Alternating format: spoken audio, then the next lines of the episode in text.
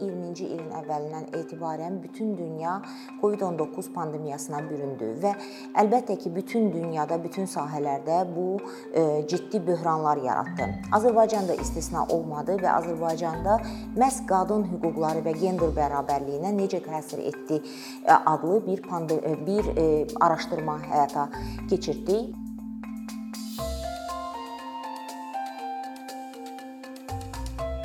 Bu araşdırmanın metodologiyası kifayət qədər rəngarəng oldu. Belə ki, sorğu keçirtdik və sorğunun respondentlərini müxtəlif sahələrdən, müxtəlif yaş kateqoriyalarına işləyən, işləməyən, Bakıya, rayonlara aid olan tələbələr, pensionerlar, müxtəlif sahələr üzrə çalışanlar, fərdi sahibkarlar, iqtisadi e, deməli kölgə iqtisadiyyatının nümayəndələri və digər deyək ki, müxtəlif diapazonda qadınları seçdik ki, rəngarəng məlumat ala bilək. Eyni zamanda bir neçə fokus qrup diskussiyaları keçirtdik ki, e, peşəkar məlumatları aldıq. Daha sonra verifikasiya görüşləri keçdik, e, strukturlaşdırılmış müsahibələr keçdik və e, hamısından sonra bir yoxlama alətləri ilə, bir sıra yoxlama alətləri ilə bu deməli məlumat əldə etdiyimiz məlumatların təhlilindən sonra doğru nəticələr verib-verməyəcəyimizlə bağlı verifikasiya tədbirləri keçirdik. Və bütövlükdə araşdırma təqribi 6 ay ərzində davam etdi. Çətinliklərimiz kifayət qədər idi, çünki bildiyiniz qədərilə Azərbaycanda ümumiyyətlə rəsmi statistika ilə bağlı bir sıxıntı yaşanır. Qadın və kişilərə təsnif olunmuş adi ənənəvi məlumatların belə deyək ki, çatımlılığı, çatımlıqdan sonra əlavə kateqoriyaların əlavə olunması, bir də onların etibarlılığı hər zaman sual doğuran məsələlərdəndir. Covid yetərincə uzun müddətli olmadığı üçün bizim araşdırma zamanında bir qədər deyək ki, məlumatın ümumiyyətlə qıtlığını yaşadıq. Yəni təhlillər yox idi, hesabatlar yox idi, məqalələr çox az bir miqdarda idi. Dünya artıq, dünya ölkələri artıq bu mövzuda çalışmağa başlamışdı. Bizsə e, hələ mənbələrlə ələşirdik. Amma buna rəğmən e, və çətin bir dövrə düşdük. Həm də 44 günlük müharibə dövrünə təsadüf elədi. Yəni bir qədər də internetdən e, məhrum edilmə bir vaxt idi ki, bir qədər də onun sıxıntısını yaşadıq. Amma buna rəğmən hesab hesab edirəm ki, kifayət qədər əhatəli bir araşdırma oldu və bu araşdırmanın nəticələrini böyük məmnuniyyətlə bir qismini sizə çatdırmaq istəyirəm. Mən nümunələr olaraq Azərbaycan dilində olan hesabatın nümunələrindən gətirmişəm və həm hesabat, həm infoqrafik lifletdə siz görəcəksiniz ki, biz 7 kateqoriyaya sistemləşdirmişik bütün tapıntılarımızı. Tapıntılar nədən ibarətdir? Azərbaycan qadınının vəziyyətinə, hüquqlarına, onsuz da ə, e, müəyyən qədər sıxıntılı olan vəziyyətinə bir qədər də böhran qatdı e, COVID-19 pandemiyası. İlk öncə e, hüquqlardan, ümumi hüquqlardan danışım. Hüquq belədir ki, Azərbaycan qadının hüquqları zaten kifayət qədər sıxılmış vəziyyətdədir. Hər zaman məndən soruşurlar, bu yalnız Covid vaxtı bir böhran yaşandımı? Normal vaxtda bu necə idi müqayisəli? Sir deyil ki, əlbəttə ki, Azərbaycan qadının vəziyyəti bir çox sahələr üzrə çətindir, mürəkkəbdir və mən rəsmi mənbə olaraq istinad etmək istəyirəm Azərbaycanın son baxışı, e, deməli, BMT-nin SİDO komitəsində 2015-ci ilin fevral ayının 18-də baş veribdi ki, Onun nəticəsi olaraq BMT-nin SİDO komitəsi Azərbaycana 4 e, illik plan üzrə, deməli 17 sahədə 74 tövsiyə vermişdi və bu bütün e, sahələri əhatə eləyirdi. Burada həm təhsil, həm səhiyyə, kənd təsərrüfatı, e, məşğulluq, qadınların deyək ki, rifahı ilə bağlı olan inkişafı ilə, təşkilatlanması ilə, nümayəndəlik hüququ ilə və s. yəni bütün böyük bir diapazon hüquqlardır və 74 tövsiyə nümunə üçün deyim, digər ölkələrə rəğmən e, nisbətdə kifayət qədər böyük bir rəqəmdir və Azərbaycan 95-ci ildən etibarən SİDO konvensiyasına qoşulub və e, bu tipli deyək ki, 4 ildən bir hesabatlar il hər dəfə verilir, amma ən sonuncu tövsiyələr paketi indiyənə qədər Azərbaycan üçün verilən ən böyük rəqəmdə olan tövsiyələr idi ki, bu da onu isbat eləyir ki, Azərbaycan qadınlarının hüquqları istər siyasi, istər iqtisadi, sosial, mədəni sahələrində qənaətbəxş deyil. Biz bunu zaten gündəlik həyatımızda görürük və gəlin ümumi mühitə baxaq. Covid nəyi dəyişdi? Covid bunu dəyişdi ki, Azərbaycan qadını əgər hər hansı bir zorakılığa və yaxud hüquq pozuntusuna məruz qalardısa, normal vaxtlarda qadının müraciət eləyəcəyi yerlər vardı. Bu hökumət nümayəndələrinin deyək ki, müəyyən qapıları idi.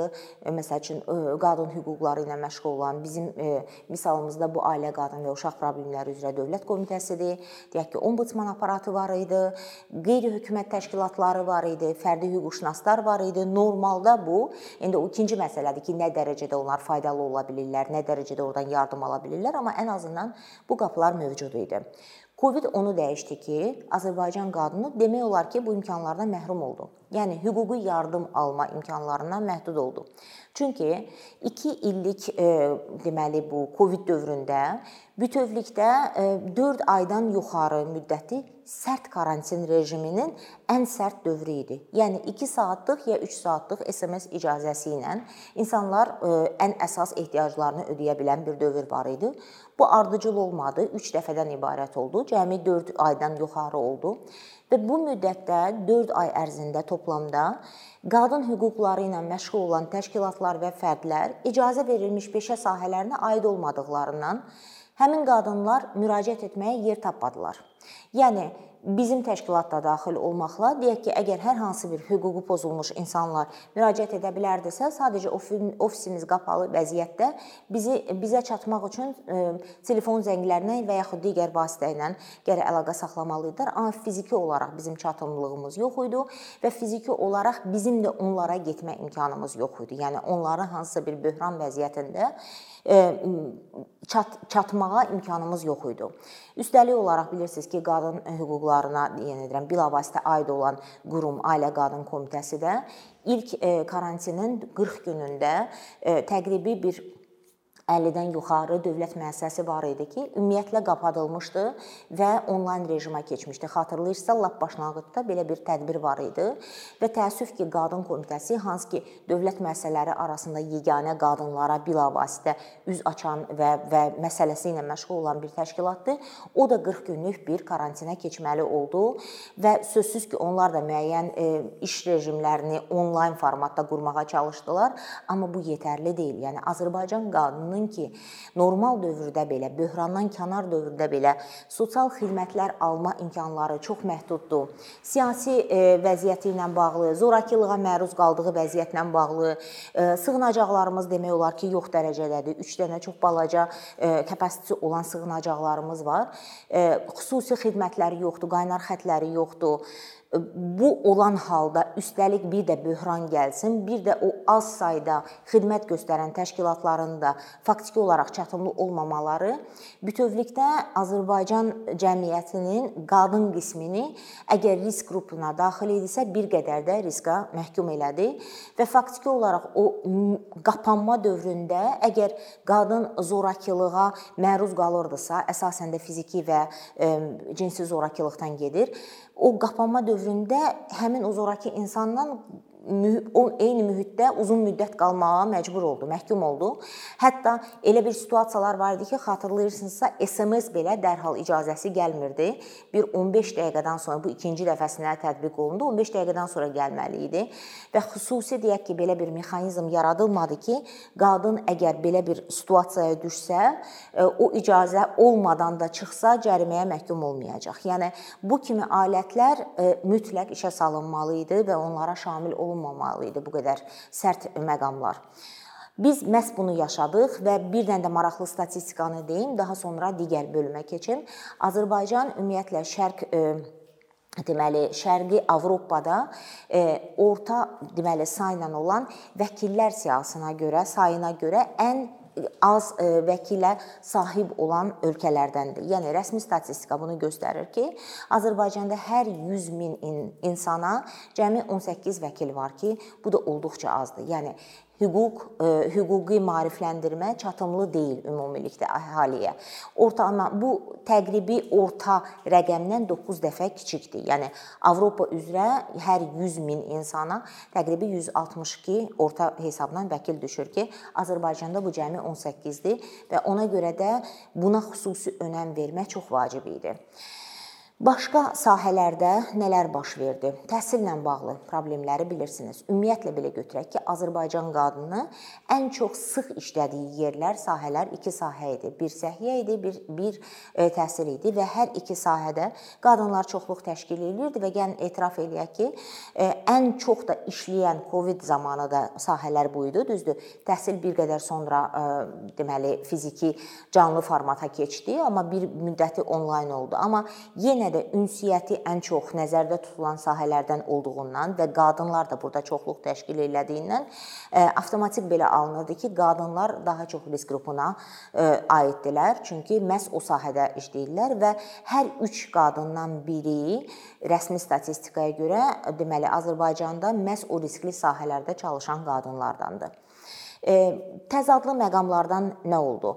Bir yandan çox çevik bir platforma, təhsil platforması yaradıldı və dərhal canlı formatdan onlayn formata keçid nisbətən sürətli keçdi. Amma nə baş verdi və bu bütün ölkə üzrə müşahidə olundu? Deməli, təhsil platformasından qeydiyyatdan keçən insanların cəmi 30%-ı cəm bütövlükdə 3də 1 hissəsi də, yəni təqribi 30%-ı iştirak edə bilmədi. Yəni qeydiyyatdan keçsələr də aktiv ola bilmədilər onlayn platformalarda. Bu da nəyə dəlalət eləyir? İnsanların böyük ehtimalla ya internetə çatımlığı yox idi, ya internet ümumiyyətlə keyfiyyətsiz idi, yəni keyfiyyətli internetə çatımlığı yox idi ya bütövlükdə o qadjetləri yox idi ki, onun vasitəsilə girsin, yəni kompüteri, planşeti, müasir telefonları və yaxud da ümumiyyətlə IT bilikləri yetərli deyildi. Yəni bu da əlbəttə ki, həm qızlara, həm oğlanlara şamil olunur, amma özəl məqam nədən ibarətdir? Qızların niyə vəziyyəti daha pis oldu? Və yenə də araşdırma nəticələri onu göstərir ki, hər 5 oxuyan, təhsil alan qızlardan biri müvəqqəti ya daimi təhsilini saxlamalı oldular. Bu da nəticələrdən, tapıntılardan biridir. Bu nədən baş verdi? Bu ondan baş verdi, ona görə baş verdi ki, birdən-birə ailə yükü qadının üzərinə bir azda çökdü. Yəni onsuz da etiraf eləyək ki, Azərbaycan ailələrində bütövlükdə ailə məişət qayğıları, uşaqlara baxımı, qulluq və onlara sərf olunan zaman yaşlılara sərf olunan zaman daha çox qadının üzərindədir. Normalda heç Coviddən kənar bir müddətdə də.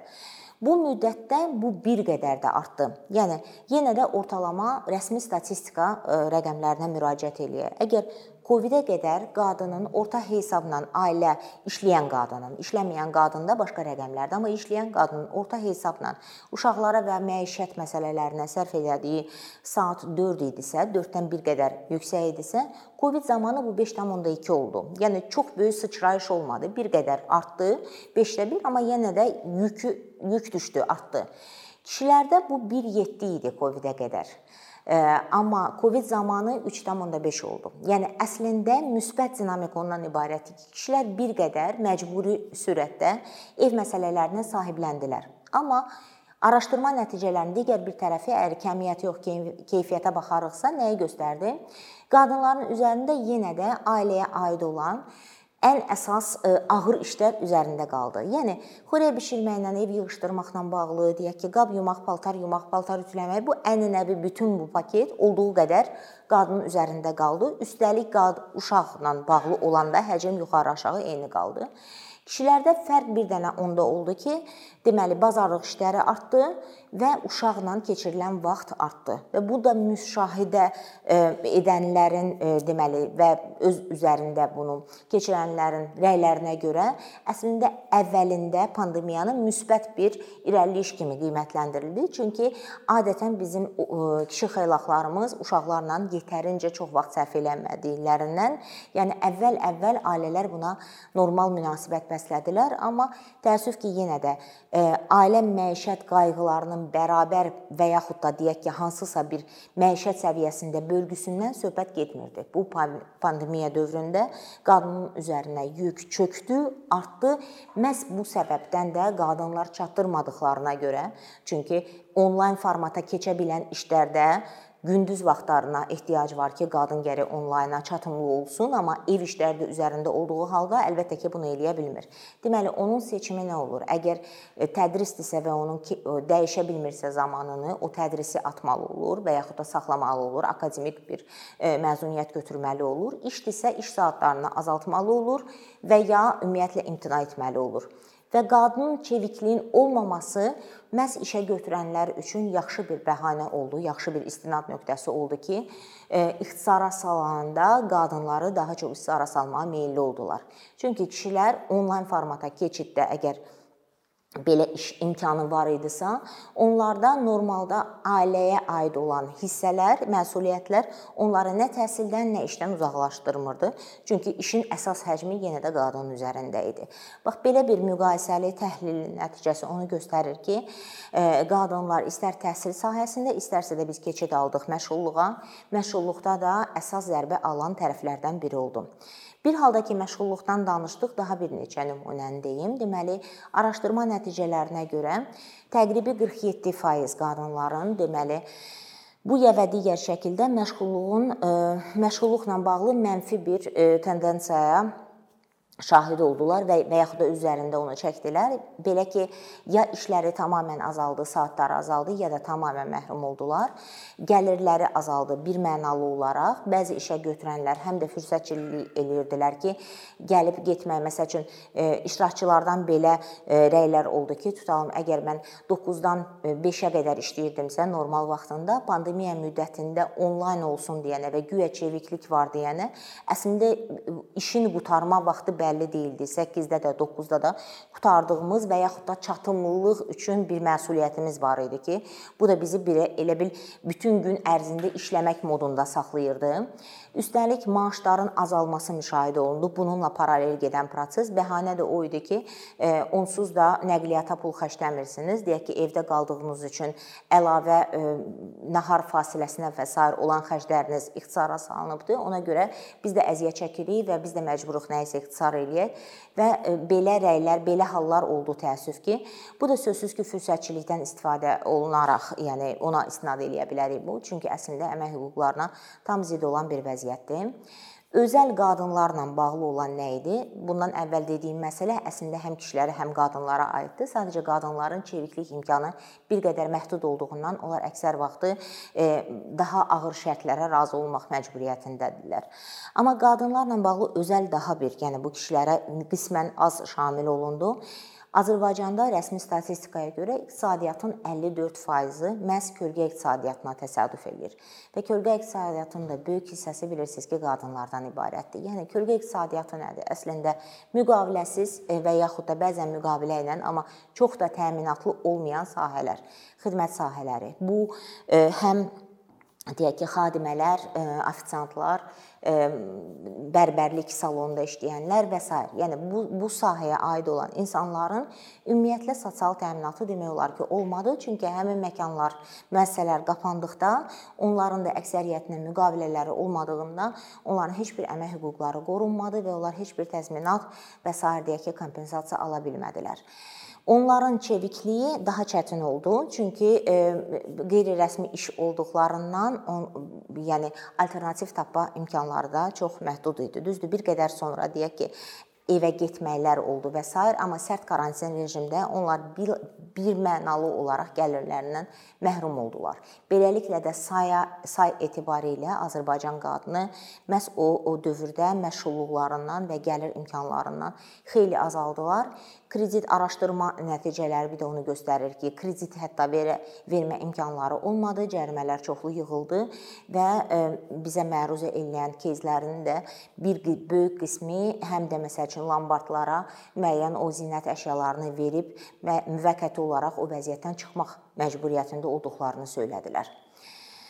Sosial dəstəyə gəlincə, əlbəttə ki, sosial dəstək göz qarşısında təşkil olundu. Azərbaycan, deməli, dünya ölkələri üzrə cəmi ümumi daxili məhsulun 2.1%-ni ümumilikdə sosial dəstək paketinə sərf edən ölkələrdən oldu. Bu da reytinqa görə ən aşağı yerlərə gətirir Azərbaycanı çıxardır. Çünki çox kiçik bir e, məbləğ verildi və çox e, dayanıqlı olmadı. Yəni cəmi 2 dəfə verildi, bir dəfəmlik yardım kimi. Onun təşkil olunması olmasında ciddi qüsurlar var idi, bilirsiniz.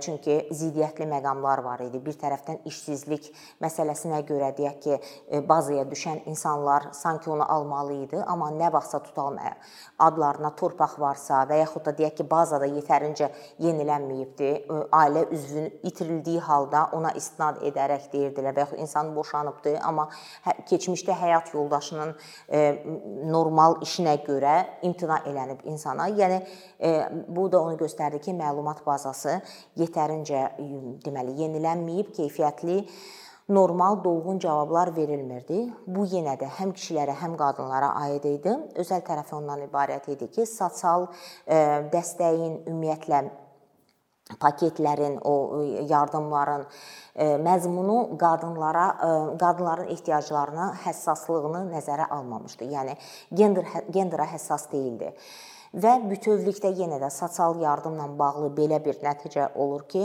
e, bir çox insanlar e, müraciət etmədilər ümumiyyətlə sosial yardım üçün. Çünki birinci yetərincə məlumatları yox idi. Yəni bu haqqda məlumatlar, elanlar həm çox yayılmadı, həm çox çatımlı olmadı. Digər tərəfdən də e, olanlar da etibar da eləmədilər. Yəni bəziləri ona görə müraciət eləmədi. Həm də qonum-qonşuda o xoşa olmayan cavabları alandan sonra ora müraciət eləməyin əbəs olaraq düşünərək, yəni müraciət etmədilər. Növbəti sahələrdən biri də əlbəttə ki, qadınlara qarşı zorakılıqdır və ümumiyyətlə ailə münasibətləri. Ailə münasibətlərində vəziyyət necədir? Deməli 50%-ə yaxın qadın respondentlər ümumiyyətlə ailə münasibətlərinin korlandıqlarını məruzə elədilər və burada ümumiyyətlə ailədə gərginlik, yəni uşaqlar dərsə getmir, bağçaya getmir, səs-küydür, əksər vaxtı otaq evlər balacadır, insanların sayı çoxdur, bir gərginlik var, o bir iş yeri tapa bilmir, bu bir günc tapa bilmir ki, sakitçilik olsun. Uşaqlar xırda olanda daha da gərginlik olur, ailə əgər biraz genişdirsə və yaşlı adamlar da orada varsa, bütün bu, yəni fiziki iş həcminin yükü ilə e, bərabər həm də bir psixoloji gərginlik artdı və bu psixoloji gərginliyin artmasını hər bir e, insan demək olar ki, yuxarı-aşağı cinsindən asılı olmayaraq, yaşından asılı olmayaraq e, özündə hiss etdi. Daha sonra infodemiya var idi. Yəni çoxlu yanlış məlumatlar var idi. Bir qorxunc period var idi. İnsanlar e, bilmirdilər ki, bir, bir təhlükəsizlik hissi yox idi və o təhlükənin aid ayırd eləyə bilmədikləri harda o gərginlik bir qədər də artırdı. Xidmətlər sahəsində nə baş verirdi? Psixoloji xidmətlər çatımlı deyildi yenə də insanlara. Digər ölkələrdə gördüyümüz nümunələr, məsəl üçün çox çevik qaynar xətlər, onlayn formatda psixoloji yardımlar, sosial yardımlar, bunların heç biri təşkil olunmadı və ayrı-ayrı çox kiçik miqyaslı təşəbbüslər var idi, düzdür. Məsəl üçün yardımlaşma paketləri var idi, humanitar dəstək paketləri var idi ki, e, fəallar bunu təşkil eləyirdi, amma belə sistemli şəkildə bir mexanizm kimi bunlar təəssüf ki, qurulmamışdı və insanlar bundan çox ciddi əziyyət çəkdilər. Və zorakılıq necə artdı? Pandemiyadan öncə də əlbəttə ki, çox aktual olan mövzu Azərbaycanda e, təəssüf ki, rəqəmini dəqiq deyə bilmədiyimiz bir sahədir, çünki bunun hələ də məlumat bazası təkmil deyil. Amma bütün göstəricilər onu göstərir ki, Azərbaycanda çox ciddi bir e, qadınlara qarşı zorakılıq var hər 4 səviyyədə: psixoloji, iqtisadi, fiziki və cinsi və psixoloji əslində demək olar ki, yuxarı-aşağı bütün ailələrdə var və insanlar bunu artıq dərk eləmirlər ki, bu hətta psixoloji zorakılığa məruzdular. Yəni o qədər normaya çevrilib həm kişilər, həm qadınlar tərəfindən qəbul olunur. Qapalı mühitdə bu dəfələrlə artdı. Məsəl üçün müqayisə üçün deyə bilərəm ki, ilk 2 ayında pandemiyanın artıq Avropa ölkələri həyəcan təbilini çalırdılar ki, təqribi zorakılığın miqyası 25%-dən 50%-ə qədər artdı. Təkcə birinci 2 ayda. Hansı ki, sonradan etiraf olundu ki, daha sonrakı aylarda bu bir qədər də bu faiz artdı. Azərbaycanda biz bu rəqəmləri bilmirik, yəni biz e, təxmin edə bilərik, amma rəqəmlər mövcud deyil, amma boşanmaların sayı indikatorlardan biri ola bilər ki, boşanma da bildiyiniz kimi pandemiyadan əvvəl təqribi 4 evlənmiş ailəyə bir boşanma düşürdüksə, pandemiyadan sonra bu 3 3-ün 1-ə nisbətdə artdı və bu günə qədər Azərbaycanda ən yüksək boşanma e, həddinə çatmışıq biz bir ölkə olaraq. İkinci göstərici nə ola bilər? İntiharlar. Yenə də Covid zamanı intiharların sayı çox ciddi artdı. Bu da zorakılığın özünün, yəni indikatorlarından biridir, rəsmi beynəlxalq standartlara görə və üçüncüsü də əlbəttə ki, qadın qətilləri. Azərbaycanda qadın qətilləri ciddi sürətdə artdı və ümumiyyətlə 34% zorakılığa məruz qalmış insanların sayı artıb. Təkcə 1-ci ildə 20-dən 21-in arasında olan o məsafədə və bunun 76%-i məhz qadınlar təşkil edir. Beləliklə də feminitidlərin də sayı artması əslində insanların o münasibətlərinin ən pik nöqtəsinə dəlalət eləyir. Nələr baş verdi ki, Azərbaycan bir hökumət olaraq səfərbər olundumu? Təəssüf ki, mexanizmlar böhrandan kənar vəziyyətdə yoxdursa, böhran zamanı da onun yaxşı işləmə ehtimalı belə sıfırdır. Çünki o infrastruktur hamısı böhrandan kənar normal vəziyyətdə qurulmalı idi. Böhran zamanı onu ancaq intensivləşdirmək olar idi ki, olmayan bir şeyi intensivləşdirmək mümkün deyil. Ona görə ümumilikdə əlbəttə ki, çox böyük rekomendasiyalarla, tövsiyələrlə gəlmişik və araşdırma nəticəsi olaraq hesab edirik ki, dünya təcrübəsinə e, istinad edərək, yaxşı nümunələrə istinad edərək və mütəxəssislərin rəylərinə istinad edərək bu ya və digər böhranlarda bu yenə də pandemiya ola bilər, gələcək bizi gələcəkdə bizi nə gözləyir, heç birimiz bilmirik. Müharibə şəraiti ola bilər, hansısa bir təhlükəsiz vəziyyət ola bilər. Biz birinci eyni səhvləri təkrarlamamalıyıq. İkincisi mütləq qarşısını almaq üçün müəyyən şeyləri öncədən eləməliyik. Üçüncüsü də COVID zamanı zamanı vurulmuş zərbə, ziyan qadınlara, ümumiyyətlə insanlara artıq beynəlxalq hesablanıb ki, əgər bu gün Covid qutarsa, endidən sonra bir 5 il yaxşı işlənilməlidir ki, bütün onun ağır verdiyi zərbələri biz e, sıfırlayaq, yəni əvvəlki nöqtəyə gətirək. Hələ ondan da artımını demirəm. Və yaxın 5 ildə onun fəsadlarını aradan qaldırmaq üçün əlbəttə ki, tövsiyələrin e, nə qədər çoxu qəbul olunsa, bir o qədər yaxşı rahat və sürətli bu yoldan keçəcəyik.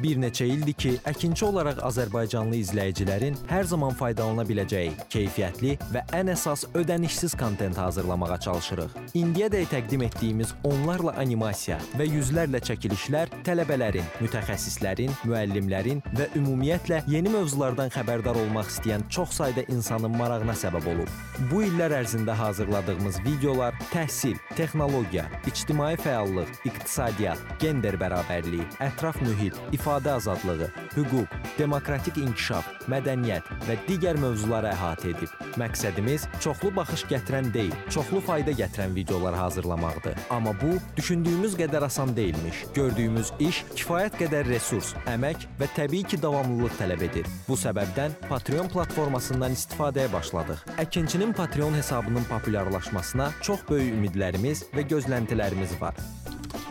Bəziləriniz Patreon haqqında ilk dəfə eşidirsiniz. Əslində çox sadə izahı olan bir platformadır. Təsəvvür edin ki, siz rəssam və ya musiqiçisiz. Sosial şəbəkələrdə sizi izləyən, işinizi bəyənən çox sayda insan var. Patreon platforması sizə imkan verir ki, izləyicilərinizin könüllü aylıq ödənişləri sayəsində işinizi davam etdirəsiz. Sərgi, konsert zallarından asılı qalmayasınız. Amma bu təkcə rəssam və musiqiçilərə aid deyil. Məsələn, əkinçiyə bənzər fəaliyyətlə məşğul olan bəzi layihələrin 10 minlərlə patronu var. Biz də düşündük ki, nə üçün əkinçinin Patreon hesabı olmasın? Sizin dəstəyiniz sayəsində biz daha çox və daha keyfiyyətli kontent yaratmağa davam edə biləcəyik. Amma bu dəstək yalnız maddi dəstək deyil. Dəstəkçilərimizin sayının artması gördüyümüz işlərin faydalı olduğuna dair əminlik verir. Patreon platformasından istifadə çox sadədir. Hesabınızı açırsınız, sizə uyğun dəstək növünü seçirsiniz və Patreon özü hər ayın ilk günü kartınızdan seçdiyiniz dəstək növünə uyğun ödəniş tutur. Bu qədər. Sonda onu demək istəyirik ki, dəstəkçilərin sırasına qoşulmaq istəyən, amma məhdud imkana görə bunu edə bilməyənlər narahat olmasın. Daha öncə dediyimiz kimi, bizim əsas məqsədimiz daha çox insanın hər zaman faydalana biləcəyi keyfiyyətli və ödənişsiz kontentin yaradılmasıdır. Bunun üçün mütləq patronumuz olmalısınız deyə məcburiyyət yoxdur. Amma imkanınız patron olmağa çatırsa və bizim işimizi bəyənirsinizsə, patronlarımızın sırasına qoşulmağınız bizim üçün çox önəmlidir.